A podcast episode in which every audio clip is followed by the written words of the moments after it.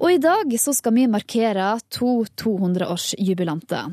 Begge de var viktige for bygginga av nasjonen vår etter 1814, men på hver sin måte. Vi kan si det at eh, for den ene av dem så handler det om verdiene til landet. Altså verdiene til landet helt konkret. For den andre så handler det om verdigrunnlaget. Jeg snakker om Norges Bank og om Det norske bibelselskap. Men før vi kommer så langt eh, i sendinga, så skal vi en liten tur på gata med kollega Ove Gundersen. Han har med seg eh, mikrofonen i dag. For du har vel lagt merke til at det er pinse nettopp nå. Det er pinsedag, men hvorfor feirer vi egentlig denne høgtida? Nei, Det første som slo meg, det var noe med, med at Jesus for et himmels igjen. Men det var nå himmelsbretten som var noe Ja, Den er over. Ja. Så Og så skjedde noe etterpå der. Ja, han sto han kom tilbake. Nei, det gjorde han ikke. Nei, jeg, jeg, må, jeg må si pass der. Ja, Vet du hvorfor vi feirer pinse? Eh, nei. Jeg har ikke peiling. Ikke du heller? Det har noe med kristendommen å gjøre, sier Ja. vi. Ja, det har det. Noe med Jesus. Da han Nei. Er det noe vi tenner bål? Ja, det er pinsebål, ja. Jeg vet ikke helt, jeg. Hallo? Hallo, ja. Einar Nyman her. Ja, hei sann. Der er du i studio.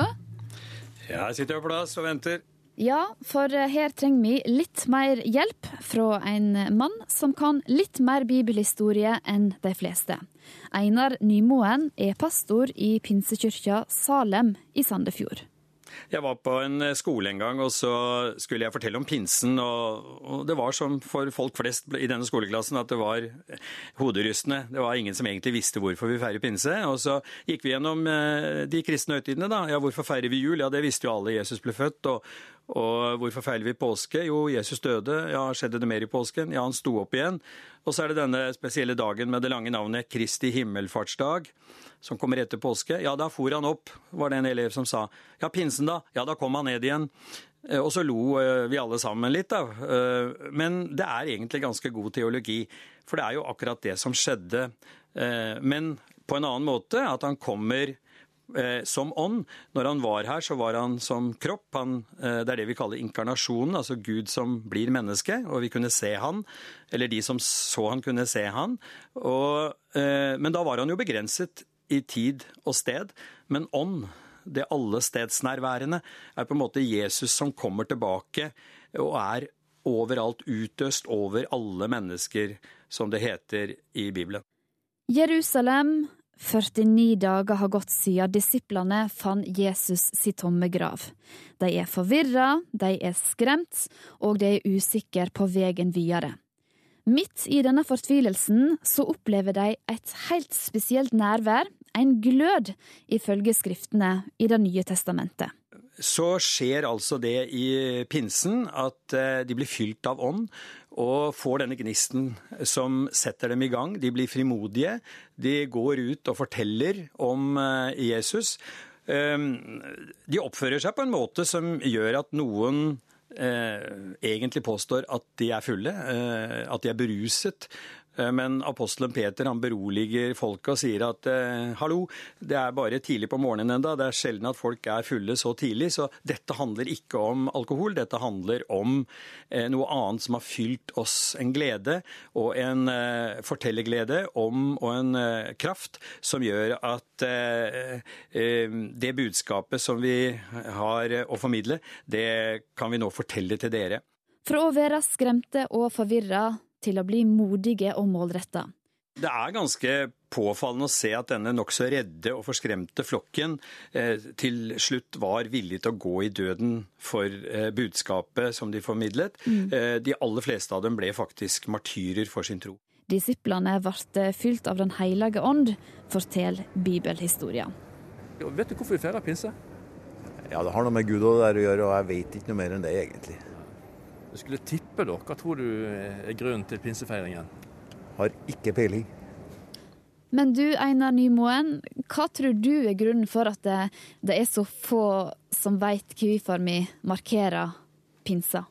Pinsen er jo på mange måter en eh, litt usynlig eh, høytid, også med det at den særpreges ved dette som har med det åndelige å gjøre. Det er lettere med julen og påsken, fordi der har vi både krybben og korset, så, så det er klart det er enklere og konkret å forholde seg til. Men hvis vi tenker på pinsen som eh, noe som gir, eh, setter kristendommen i gang, da, setter de kristne i gang, eh, så kan vi jo bruke et enkelt eh, bilde, kanskje. Dette at eh, ja, Hvis man har, eh, tenker på en, en, veldig fin bil da, som noen har konstruert, så hjelper det ikke om den er veldig, veldig fin, selv om den har til og med en sterk motor, hvis ikke den har drivstoff, og hvis den ikke har en gnist som setter den i gang. Så vi kan kanskje tenke at disse første kristne de skjønte nok at de satt på en enestående fortelling, men eh, hvor var gnisten som skulle sette dem i gang? Og jeg tenker at pinsen er den gnisten, er det som setter dem i gang. Vi kan kanskje si det veldig enkelt sånn at påsken og julen da er budskapet, og pinsen er redskapet. Ja, takk til Einar Nymoen, som tegna og forklarte til oss i dag. Han er pastor i pinsekirka Salem i Sandefjord.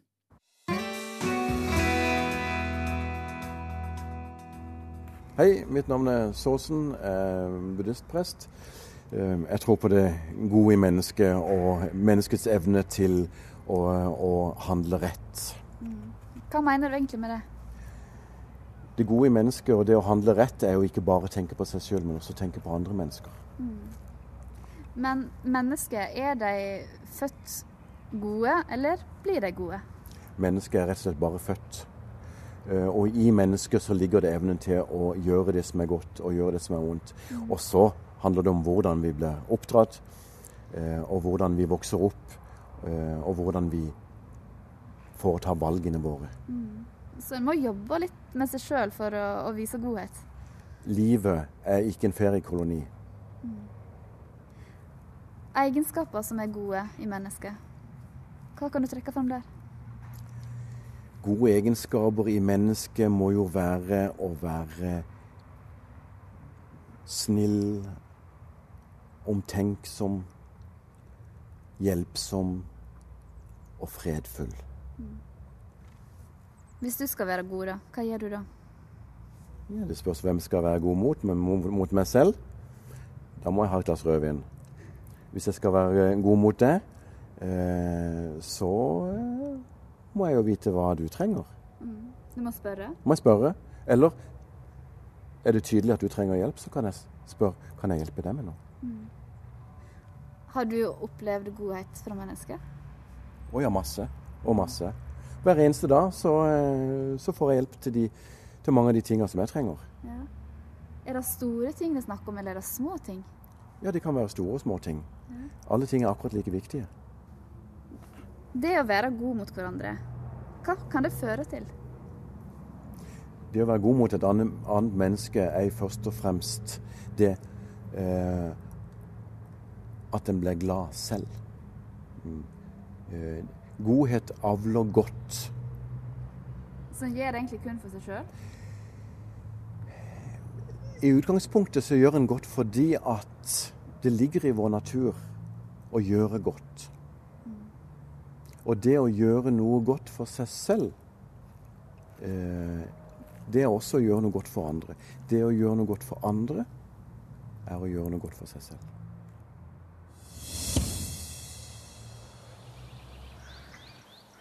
Panelet. Jeg er Per Prest. Heter offisielt Per Kvalvåg. Og jeg har en svær, gammel blå Mercedes, sånn Derrick-bil. Og to eldgamle motorsykler, den eldste fra krigen. Og en trompet. Og en trompet. Ja, jeg heter Morten Fastvold, er filosof og humanetiker. Bil har jeg aldri hatt. Eh, derimot sykler, eh, noen av dem. Og alltid litt sånn eh, ustjelbare. Jeg spilte trompet i min ungdom. Nå har jeg et flygel i stuen som jeg spiller litt på til husbruk, da. Ja, mitt navn er Mina Adampour, og jeg er lege av yrke og er muslim. Jeg vokste opp på snaue 80 kvadrat med mor, far og fem søsken. Og har eh, et spillrom med biljard og flipper som lager mye lyd. Ordet i dag er det norske flagg. Det er jo dette 17. mai-toget, da. Jeg var jo med i korps og spilte tuba. Det var vel noe med at min sånn spinkle eh, kropp ikke klarte å bære den tubaen helt, så da skulle jeg få prøve meg som drillpike i stedet for et år. Og det, det gikk jo veldig greit, og storesøsteren min og jeg drillet der fremme da for Grünerløkka skole. Men akkurat idet du kommer liksom oppover Slottsparken der, så mister jeg den derre stangen du driver og driller med, da. Og idet jeg liksom bøyer meg for å løpe og ta den, så hadde jo vi Det var ikke alltid vi hadde liksom mest fancy sånn utstyr, så vi hadde sånn lite, litt tykt norsk flagg med sånn, sånn stor sånn eh, trepinne, da. Som var nærmest hjemmelaget. Og den hadde jeg da i en sånn lomme i denne dressjakken fra korpset. Og den faller ut. Og moren min, som alltid var med, dro med far og resten av søskenflokken og hun legger jo merke til det, så hun løper jo da inn fra foreldresegmentet i toget. Inn mellom alle barna. Helt sånn Hun måtte finne det flagget, for det ble bare trampet på og trampet på alle de andre barna som kom bak. Mens jeg drev og løp og lette etter den derre drillstanga. Så det var bare ah, ikke morsomt. Ja, ja, ja. Nei, men Flagget har jo en stor symbolverdi, Ja. og et flagg som faller på bakken, det er jo Mm. ikke bra, ikke Nettopp. sant? Eh, Så øh, For den, da kan de jo bli tråkket på Ja, ja. det hele tatt. Altså Et flagg skal jo veie i vinden og behandles med respekt. Jeg har også bakgrunnen fra musikkorps da, som barn, så jeg har vært en god del 17. maier og på flaggheisning klokka åtte. Og gått i tog og spilt og blitt helt sår på leppene Etter et, da etter var jo ferdig, da. Så det var en slitsom dag, men det var flott, da. Det var sånn godsår følelse? Ja, ja, ja. ja da hadde man virkelig liksom eh, gjort en jobb, altså. Jeg tenker på 17. mai i Tydalen. Jeg er med i Tydal 17. mai-korps. Vi har sånn avtale at eh, jeg er med og spiller førstetrompet i eh, korpset i Tydalen, mot at de er med og spiller i kirka. Så går jeg i toget. Og, for det er ingen andre enn meg som øver nok til at de får til å spille førstestemmen seg, i Tydalen. Lita bygd. Og det er klart, det er klart jeg er ikke så sentimental med det flagget og sånn, men når, når ordføreren går foran med den store fanen der foran, og så går vi bak i korpset og alle flaggene og sånn, det er jo, det er jo gripende. Mm. Og så med fjellene rundt, da. Åh. Det er jo gripende. Men hva består den her følelsen i? Er det noen som får til å si noe om det? Det er Jeg vet. men en identitet. Jeg vet ikke. Det er jo det spesielle med den norske, norske nasjonalfølelsen, Uh, at den norske nasjonalismen er kobla med internasjonalisme og går hånd i hånd med det, ikke sant? Jeg husker jeg har, jeg har en venninne fra Holland. Når jeg fortalte det, at, uh, fortalte det til henne, så bare sa No, no, nope, nope, sa hun. Det bare avviste hun. Det var ikke mulig, det. Sant? Men den arven fra Wergeland, hvor altså vi har fått vårt land, hvor vi får leve i frihet, dermed så skylder vi andre folk og, og, og unne dem og hjelpe dem til å få det samme. Sant? Den der Nå syns jeg nesten du så ut som du ble litt rørt. jeg. Ja, jeg er litt tåpelig sånn. Nei, men det er Ja, det er god grunn til å bli litt rørt av det, da. Er det fellesskapet?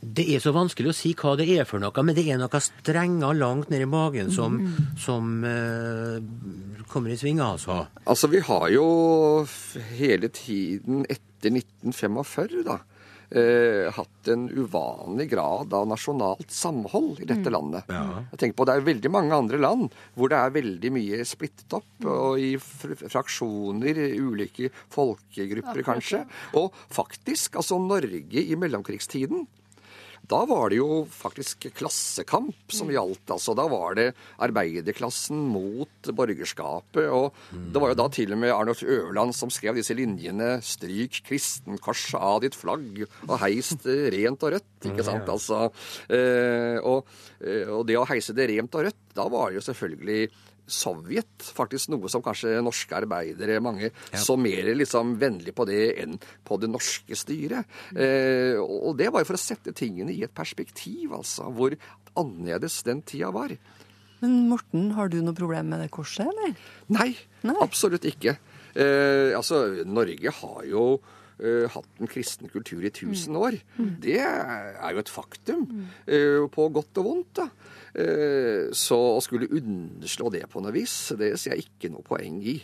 Eh, og Dessuten så er jo korset liggende i flagget, da. Ja. Eh, ikke sant? Altså, det blir ikke så påfallende som Nei. Tenk om man hadde heist flagget med langsida mot stangen, ikke sant? slik hadde du fått det som en sånn krusifiks. Eh, altså, det hadde vært mye mer problematisk, tror jeg. Nå tror jeg ikke man tenker så mye over at det er et kors.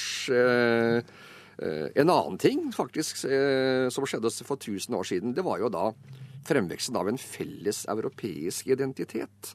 Som også skyldtes kristning. altså at eh, Man var ikke bare vikinger og frankere og germanere og alt mulig rart, men man var kristen. Eh, den identiteten kan jo også sies å gjenspeiles i dette korset i flagget, da. Ja, ja, det er noe viktig. altså at For sånn utover kristendommen så er vi eh, minst ikke mye borgere av Guds rike som vi er av eh, staten Norge. sant? Og det, Her finnes ikke jøde eller greker, det er liksom et startpunkt. Og, ah, ja. Ja, vær så god, Morten. Nei, altså det var bare det at eh, det er jo sånn humor og kanari her, da, for at eh, om man kan si at det er bra med at det blir en slags felles kristen europeisk identitet, så feirer man jo den med et heidundrende korstog, da. Ja, ikke sant? Eh, altså det var jo, det var jo korstogene som var manifestasjonen si av at det nå, man da. eh, fikk en felles europeisk identitet.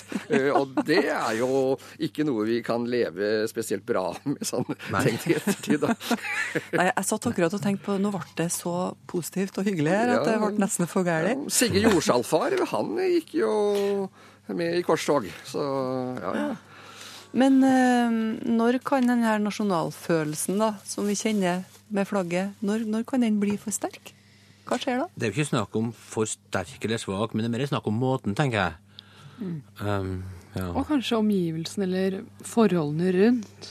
Hvis, som Per var inne på, da, snakket om det internasjonale og også Norges bidrag til humanismen, eller altså medmenneskeligheten har vist på et nasjonalt, kollektivt nivå overfor andre, er jo også det vil jo også vi som har flyktet eller ankommet Norge som asylsøkere eller migranter, ha i mente, da.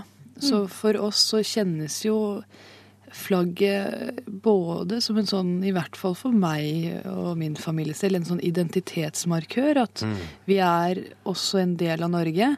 Men også at man kjenner at dette er jo noen som tok en imot da en trengte det. Hva annet kan man være mer stolt av, da? Å bli akseptert når man er annerledes, når man på en måte har kommet over de barrierene som til dels er konstruerte, da, som landegrenser jo er, selv om man er på en og samme planet og tilhører menneskeheten alle sammen. Vi kan si kanskje gratulerer med dagen til slutt. Ja, absolutt. Gratulerer med dagen. Ja, det er ikke noe i veien med nasjonalfølelse så lenge ikke det utarter til sjåvinisme, ikke sant? Ja, ikke sant. Eh, Og er nok, eh, vi er nok langt eh, vekk fra det i dagens Norge. Og det du sa nå, Mina, det er, understreker jo nettopp det. Jeg har eh, eh, følt meg alltid, alltid norsk. Så har jeg alltid på en måte tenkt på norsk eh, i min uh, tankeverden. Jeg har dagdrømt på norsk. Det har alltid på en måte vært uh, Norge uh, som har vært mitt hjem. Det her er Osman Rana, født og oppvokst i Tønsberg. Et av hans stolte øyeblikk fra barndommen var da han tolv år gammel gikk og handla ny svart dress på Farmannsstredet. Han skulle være flaggbærer i 17. mai-toget. Jeg husker veldig godt at jeg var veldig opptatt av at jeg måtte være fin i tøyet. Eh, og da husker jeg at eh, foreldrene mine også tok det veldig på alvor. Og da, og da gikk vi og, og, handlet en, en ny dress, og, og alt måtte være perfekt. Jeg tror vi kjøpte den på, på, på Hennes og Maurits eller Cubus. Eh, eh, på det gamle Farmannsredet senteret i, i Tønsberg. Eh, og jeg husker at eh, foreldrene mine var veldig aktive og veldig glade over at jeg hadde fått det, oppdraget. Eh, og, og jeg husker at de sto i 17. mai-toget og ropte på meg og tok eh, bilder eh, av da jeg gikk med flagget. Og jeg husker også at det var en veldig, veldig varm dag, så vidt jeg kan huske. Så, så jeg, og, og det var jo nokså tungt å gå rundt med det norske flagget. Men jeg prøvde å gjøre det på en veldig verdig måte. For jeg hadde alltid lært av mine foreldre å respektere det norske flagget. Og det skulle aldri peke nedover, sa pappaen min. Eh, så, så 17. mai har alltid vært en veldig fin eh, tradisjon for oss. Eh, jeg og min eldre bror har alltid gått i barnetog. Alltid hatt med oss det norske flagget.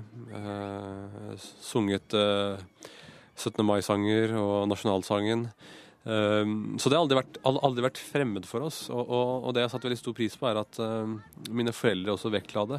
Så husker jeg at uh, både min farfar og min farmor, uh, da de var i Norge første gang, så, så var de til stede under 17. mai da jeg var fire-fem år gammel. Da gikk jeg i barnehagen. så jeg husker at jeg sto med dem, og, og de var også veldig fascinert over måten Norge feirer sin grunnlovsdag på uten tilstedeværelse av uh, militærkjøretøy og soldater. At det var en fredelig og en folkelig dag. Men han er ikke bare norsk, Osman. Foreldrene har pakistansk bakgrunn, og sjøl så snakker han to pakistanske språk, og han er muslim. I vinter så kom boka Norsk islam hvordan elske Norge og Koranen samtidig. Osman han eh, kunne ønske seg at moskeene tok litt ansvar for det her. At eh, de gjorde noen endringer som kunne hjelpe unge norske muslimer til å elske Koranen og Norge på en gang. La meg gi deg en uh, veldig god illustrasjon. Um, etter uh, fredagsbønnen i moskeene, så, så, så, er det alltid en uh, felles bønn det ene er at eh, den eh, enten foregår på arabisk eller urdu, ikke norsk. For det andre så, så ber man eh, alltid for sine hjemland. Og da sikter man til opprinnelseslandene. Pakistan, Marokko, Palestina osv. Men man sikter ikke til Norge. Jeg tror at det illustrerer at man fysisk er til stede i Norge, men uh, mentalt uh, ikke helt til stede i Norge. Mentalt befinner man seg kanskje litt i Midtøsten, kanskje litt i Sør-Asia, og ikke helt i Norge. Så når uh, norske ungdommer, som jo er i moskeen og ber, ikke får høre norsk i moskeen, og at det ikke bes for Norge i moskeen, så er det to illustrasjoner på at man ikke helt har klart å bli en norsk muslim, men man er heller en muslim i Norge. Osman har vært i USA og studert moderne islam, og der fant han mye som han savner her. Hvorfor er det ikke mer kultur i norske moskeer, sier han. Hvorfor kommer det ingen og synger? Hva med å invitere en komiker? Eller å bygge en basketballbane i kjelleren? Det er viktig at norske muslimer har en balanse i livet, sier han. Islam har flere dimensjoner. En av dem handler om lover og regler. Eh, jeg må snakke med deg på tøffelig vis, eller jeg må være snill mot naboen. At jeg ikke kan eh, banne. Mm. Eller at jeg må eh, be fem ganger om dagen. At jeg må faste. Så det er én dimensjon. Men jeg tror at norske muslimer altfor lenge har bare fokusert på denne dimensjonen. Men glemt andre dimensjoner, som for eksempel dette med åndelighet. Ikke sant? Dette med å, å, å eh, vektlegge hvordan hjertet har det. Om eh, hjertet eh, har noe godt i seg for andre mennesker. Eh, for at eh, mennesket skal være balansert, så må man være opptatt av mange ting. Man trenger eh, innimellom underholdning. Ikke sant? Man trenger uh, poesi, man, man, man, kan trenge musikk. Uh, du tenker at det åpner opp for det åndelige, eller? Det kan åpne opp for det åndelige. Ja. Uh, og er med på å balansere mennesket, ikke sant? Mm. Og så til slutt, du har en sønn på 16 måneder. Hva er dine ønsker for han som muslim i Norge? Jeg tror mye av eh, det jeg skriver om i boken, eh, vil realiseres eh, når hans generasjon vokser opp. det jeg håper, er at han får en sunn norsk-muslimsk identitet. At han klarer å kombinere mellom det å være norsk og det å være muslim. At han bidrar til det norske samfunnet. Og jeg tror det går an å bidra på veldig mange ulike måter. Jeg, jeg holder jo frem f.eks. Carpe Diems Magdi som et forbilde som bidrar til norsk ungdomskultur. Lenge har eh, norsk ungdomskultur eh, vært preget av eh, fokus på eh, seksualisering av jenter, kroppsfokus, drikkepress. Mens her eh, tilfører eh, Carpe Diem og den norske muslimen Magdi en viktig dimensjon til, til, norsk ungdomskultur, som fokuserer på en annen type musikk, på en annen type lyrikk som fenger ungdommen. Skal vi håpe at han får noen gode forbilder, da? Absolutt. Det er det du sier, egentlig. Absolutt. Mm. Men du, nå må du gå, du. Må ikke du det? Det må jeg. Ja. Tusen takk for tida di. Takk. Ha det godt, da.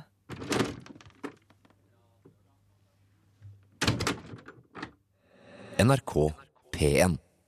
Og på 17. mai så er det tradisjon for mange av oss å synge Gud signe vårt dyre fedreland. Salma sin far det er presten og dikteren Elias Blix. Og historia om hvordan salma ble til i 1891, den er litt spesiell. Det forteller historiker Birger Løvli ved Høgskolen i Volda. En av sønnene hans forteller at faren arbeidet på inspirasjon som kom brått over han. Han lå på sofaen med pipe i munnen og avis i handa. Pipa falt i gulvet. Elias Blix treiv en penn og skreiv ned i margen på avisa hele denne fedrelandssalmen. På én, to, tre, så å si? Ja. Den var ferdig uh, i løpet av kort tid, i hvert fall i løpet av den dagen. Og avisa finnes fortsatt med hans håndskrift på. Elias Blix, salmedikteren, han var ingen eh, hvem som helst i, i Norge på slutten av 1800-tallet? Nei, han hadde mange jern i ilden. Han ble jo etter hvert professor i hebraisk, underviste vordende prester, var venstremann og ble kirkestatsråd en periode. Men han kom fra enkle kår? Ja da, han kom fra fiskermiljø eh, i Gildeskål i Nordland. Og han fikk hjelp av slektninger til å reise på lærerskole. Og eh, så gikk altså veien videre til han ble professor, politiker og var jo særdeles aktiv i, uh, i eh, arbeidet for nynorsken. F.eks. Eh, bibeloversettelse. Nynorsk kirkespråk, nynorske salmer. Og hans første salmer kom ut som særtrykk før de kom inn i salmeboka.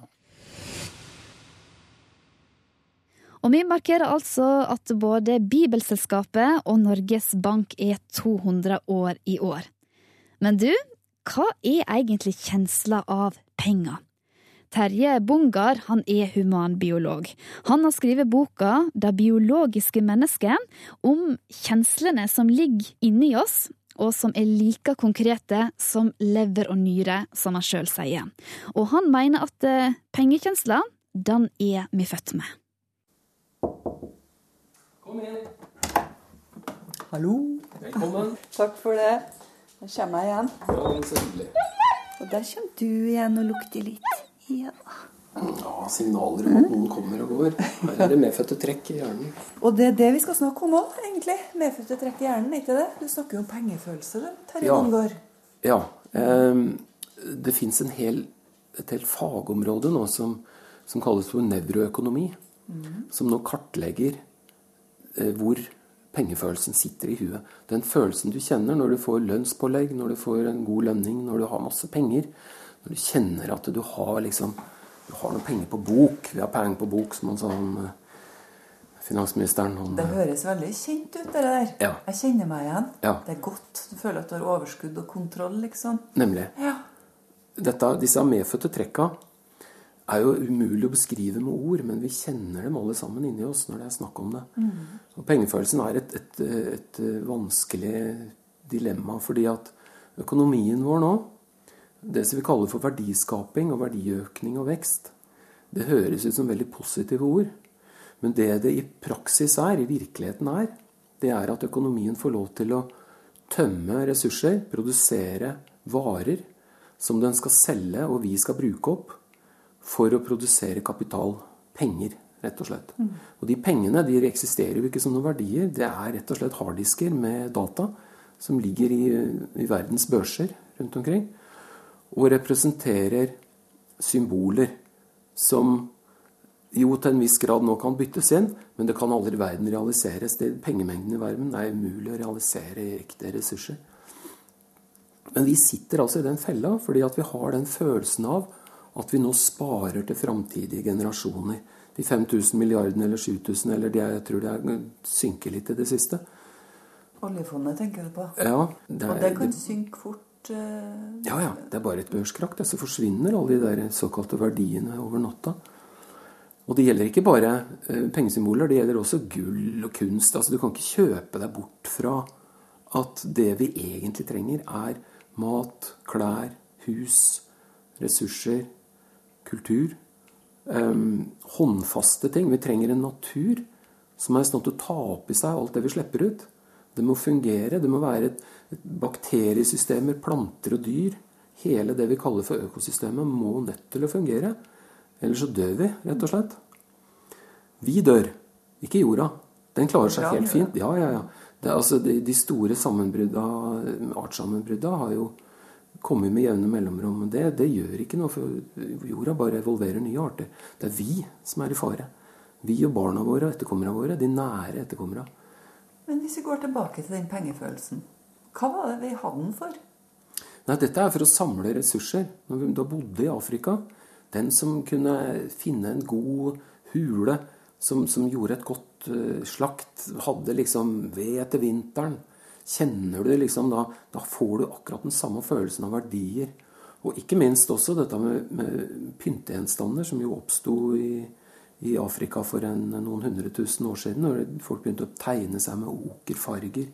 Begynte å lage smykker og begynte å synge og danse og sånne ting. Overskudd? Overskudd, rett og slett. Dette er attraktive ting. og er, Da ble du en attraktiv eh, partner, og vi er etterkommere av de som kjente de følelsene. Dette er spennende. Mm. Så det, de, å se disse prisene på flere hundre millioner kroner for et sånt maleri Det, det finnes jo ikke noen reelle verdier i det. Det er ikke noen ekte verdier. Det er bare et symbol som gjør at eieren kan komme og si 'se på meg', se hva jeg har fått tak i'.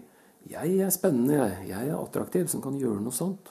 Men denne pengefølelsen, som egentlig er posit var positiv, da, som var mm. bra å ha, Ja.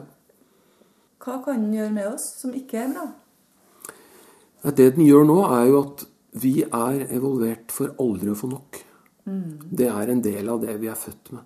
Hvis, hvis det stopper opp litt hos oss, så begynner vi å snakke om nei, nå må vi pusse opp litt. Nei, nå må vi ha noe nytt her. Mm. Nå må vi gjøre noe nytt. Vi er liksom programmert til å tenke at vi skal forbedre og Ja. lagre mer. Ja. Mm. For det er attraktivt å ha mye ressurser, bruke mye ressurser, vise fram at en har mye.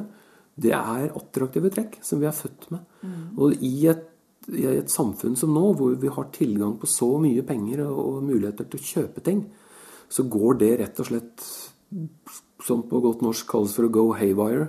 Altså det går over alle støvelskaft. Og det ser vi jo. det Oppussingsgalskapen er over alle grenser. Vi hiver klær av en annen verden for at vi hele tida skal se nye og friske ut. Så det vi må gjøre, vi må rett og slett regulere oss sjøl. Altså. Vi må bestemme hvor mye vi skal ha av det byttemiddelet penger. Og så må vi bestemme at de tinga som, eh, som tar naturen vår og livsgrunnlaget vårt, det må koste mye. Men det må være likt for alle. Det er det de ikke skjønner i miljøbevegelsen og i disse her moralismebevegelsene. De skjønner ikke at vi er nødt til å ta tak i det som vi snakka om forrige gang, nemlig solidaritet. Det må være likt. Margrethe Nåvik var på besøk på kjøkkenet til Terje Bungar.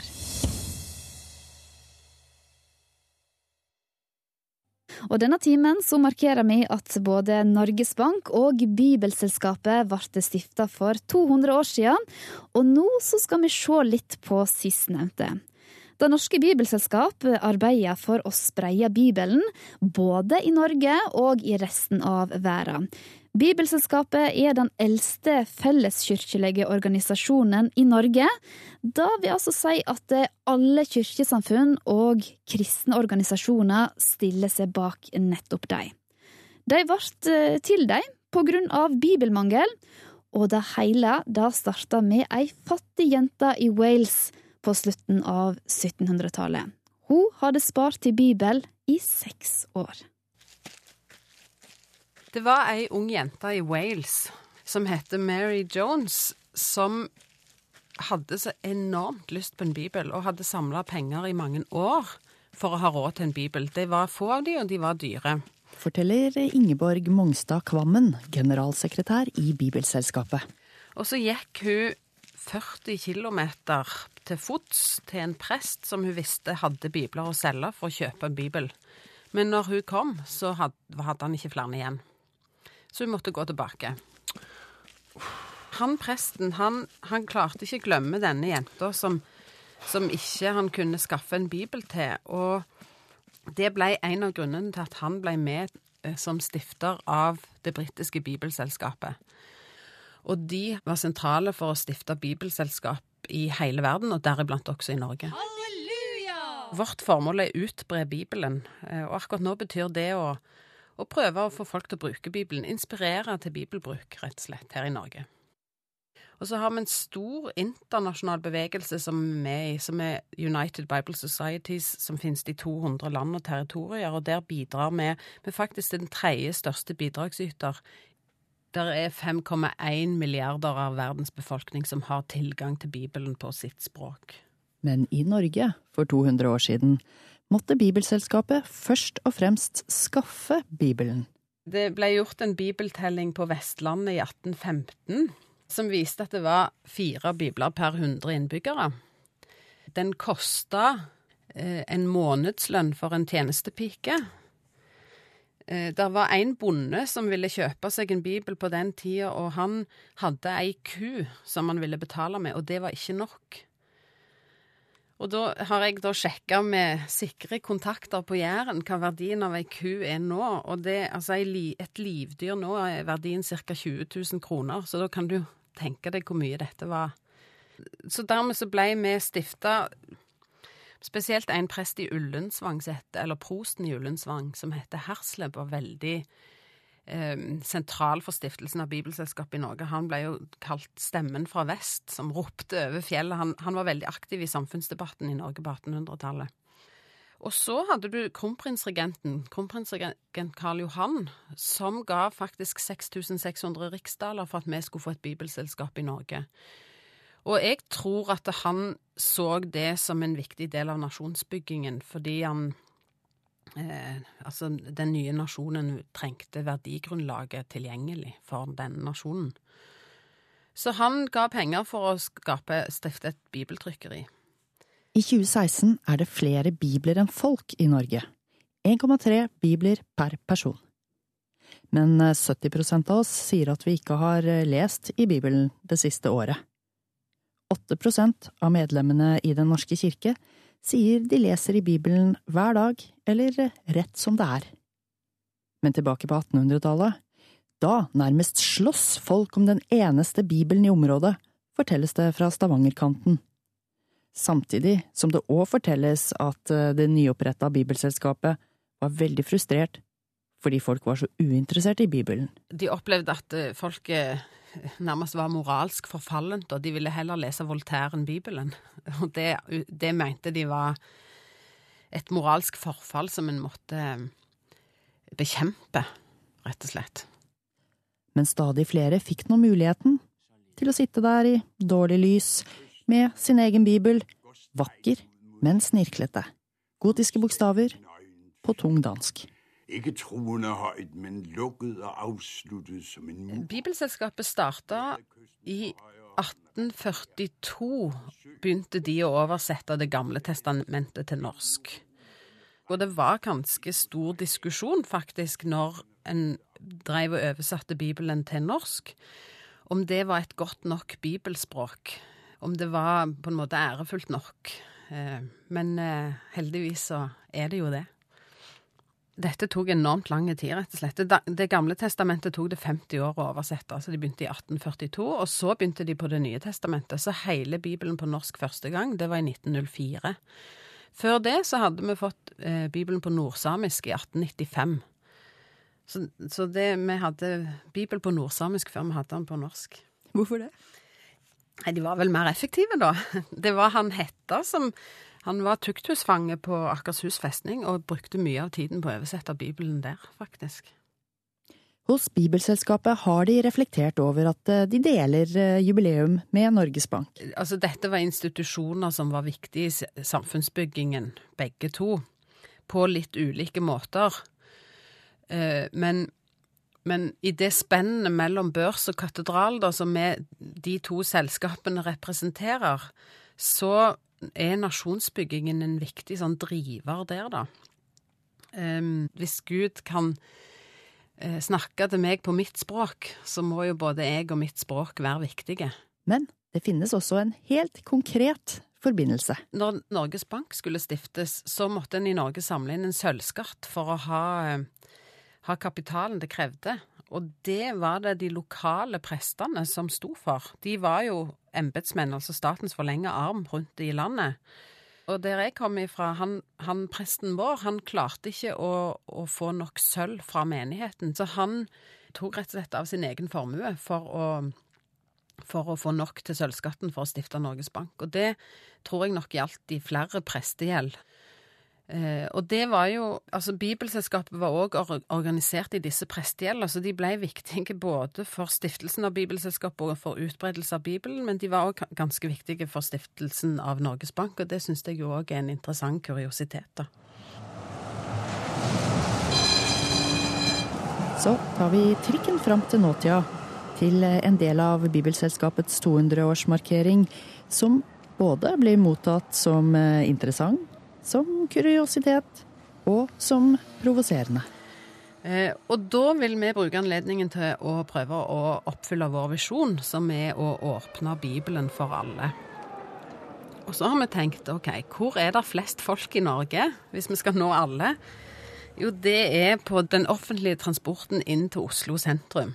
Der er det veldig mye folk. Og der vil vi være til stede med bibeltekst. Elsk deres fiender, sa Jesus. Det verset kommer inn i trikk og T-bane og buss i to uker i mai.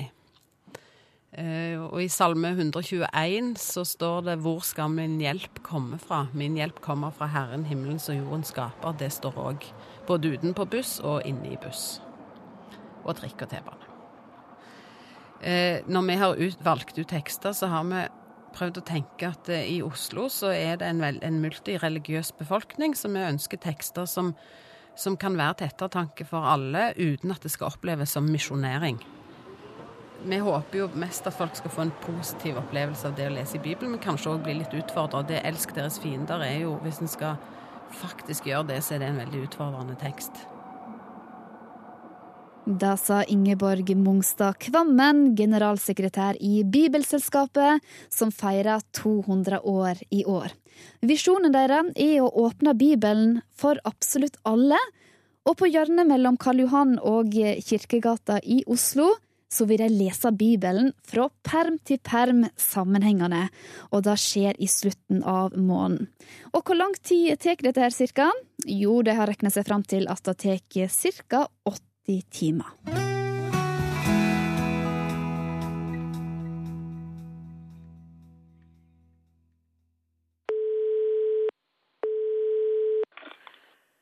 Mitt navn er Bente Landsnes. Jeg er eh, børsdirektør ved Oslo Børs. Eh, og jeg tror på verdier og holdninger. Verdiene er jo, er jo veldig viktige for oss som, eh, som arbeider i finansnæringen. Eh, Oslo Børs er bygd opp på verdier og kjøreregler helt fra loven ble fastsatt i 1818.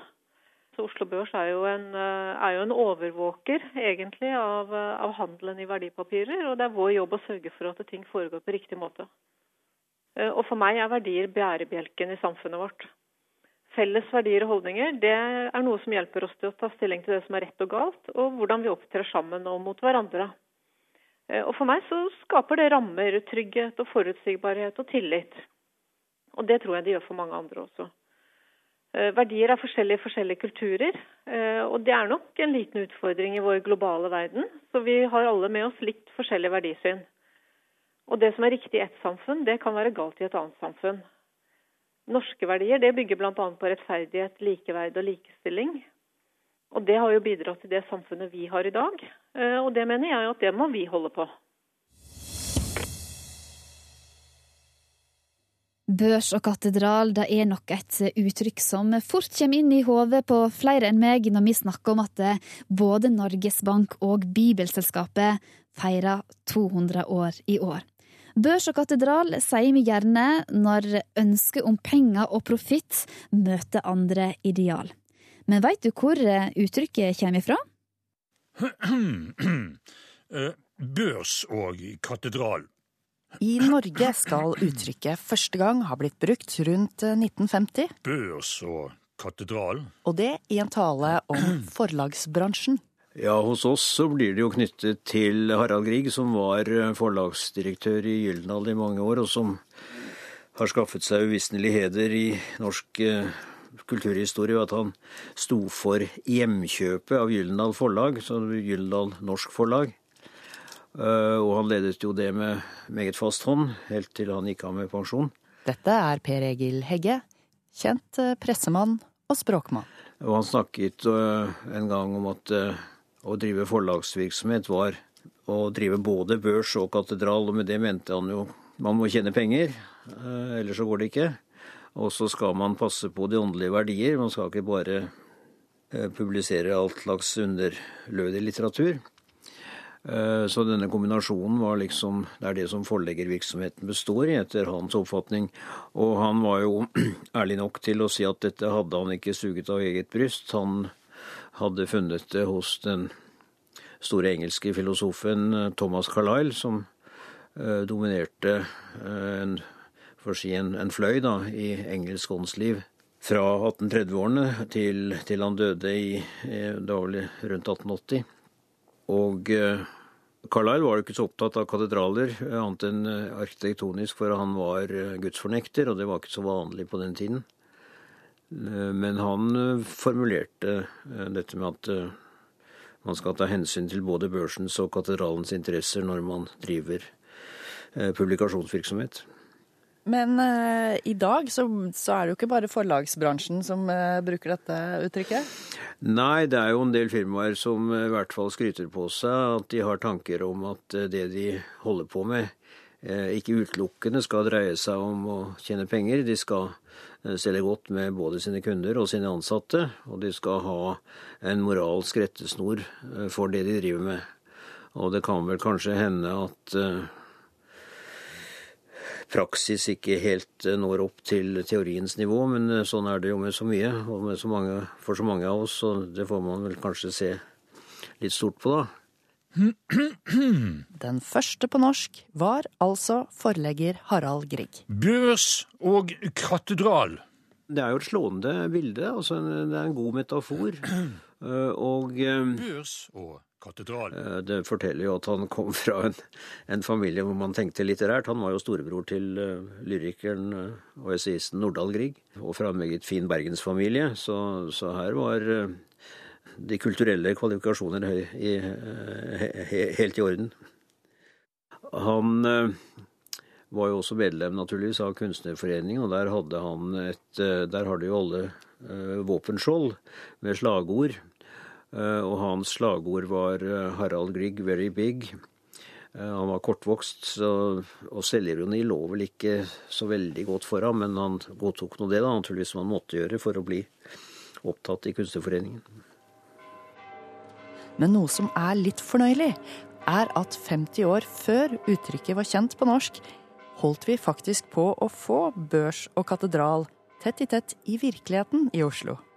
Arkitekten hadde tegningene klare og alt. Disse basarene ved Domkirken i Oslo, for dem som er kjent i det strøket, altså like ved Stortorget. Eh, det var rundt forrige århundreskifte en plan om å rive dem og bygge børsen der. Så da ville jo børsen og katedralen bli, ha blitt svært nære naboer. Nå kan man jo si da at eh, de som, disse salgsbodene og butikkene og restaurantene på disse basarene, som ikke ble revet, eh, det er jo en form for børsvirksomhet i den forstand at det er økonomisk virksomhet. Så slik sett er det ikke så langt fra katedralen til børsen. Men børsen i Oslo Børs i bokstavelig forstand ligger jo nærmere sjøen, altså lenger sør. Nei, planene om børs og katedral i lag i Oslo ble altså ikke noe av. Vi hørte Per Egil Heggen og reporter Ragnhild Sleire Øyen. Hør flere podkaster på nrk.no podkast.